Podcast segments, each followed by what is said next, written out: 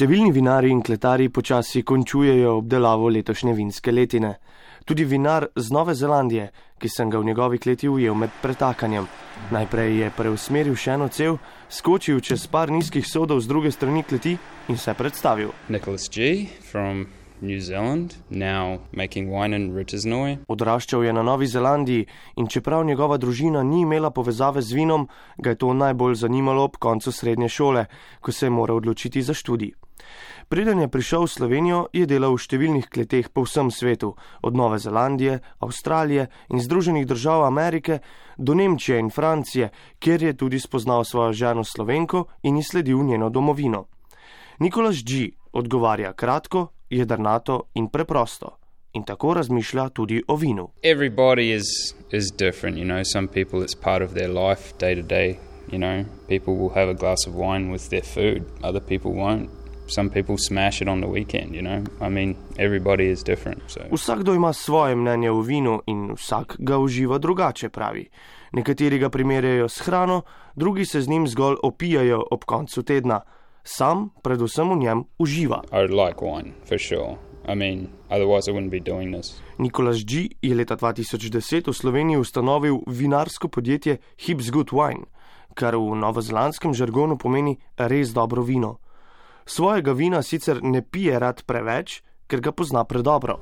I don't like to drink my own wine too much, you know, because I know it so well, you know. And then um, my palate becomes one dimensional and I just taste the same thing over and over. That's not good. Tako s pokušanjem številnih različnih vin ohranja široko paleto okusov.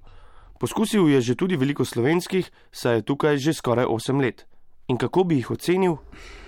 There's some good wines in Slovenia, but if we take everything and put it together, we average out as below where we can be. I think potential is higher than the overall average quality that you see. You know, there are some standouts, but there's a lot of stuff that's very ordinary. Meni, da je sicer v Sloveniji kar nekaj dobrih vin, vendar ko potegne črto, je naša država zelo poprečna vinska dežela, kar pa ne odraža njenega potencijala, poudarja. There's not enough big winemakers. I think when you've got so many small winemakers, you can't expect major success on and to be famous on an international big in, international markets because there's just not enough wine to go around. So but there's definitely potential to Premalo je velikih proizvajalcev vina, da bi uspeli na globalnem tržišču, ker ga enostavno proizvedemo premalo. Lahko bi se predstavljali kot država za butična vina, še pravi Novozelandec, ki vidi eno izmed glavnih težav tudi v tem, da je Slovenija še vedno premalo enotna pri predstavljanju vina v svetu. Well, there is a lack of one sort of government funded body that represents all of Slovenian wine and Slovenian wine as a as a whole. You know, there are several smaller bodies which represent certain certain aspects of the industry.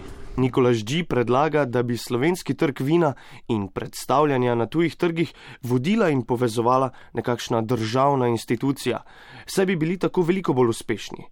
Sam se je usmeril zgolj v izvoz svojega vina, ki ga je letos pridelal približno 25 tisoč litrov. Saj kot pravi, ima tako opravka z manj ljudmi, kot da ga promovira in prodaja po Sloveniji.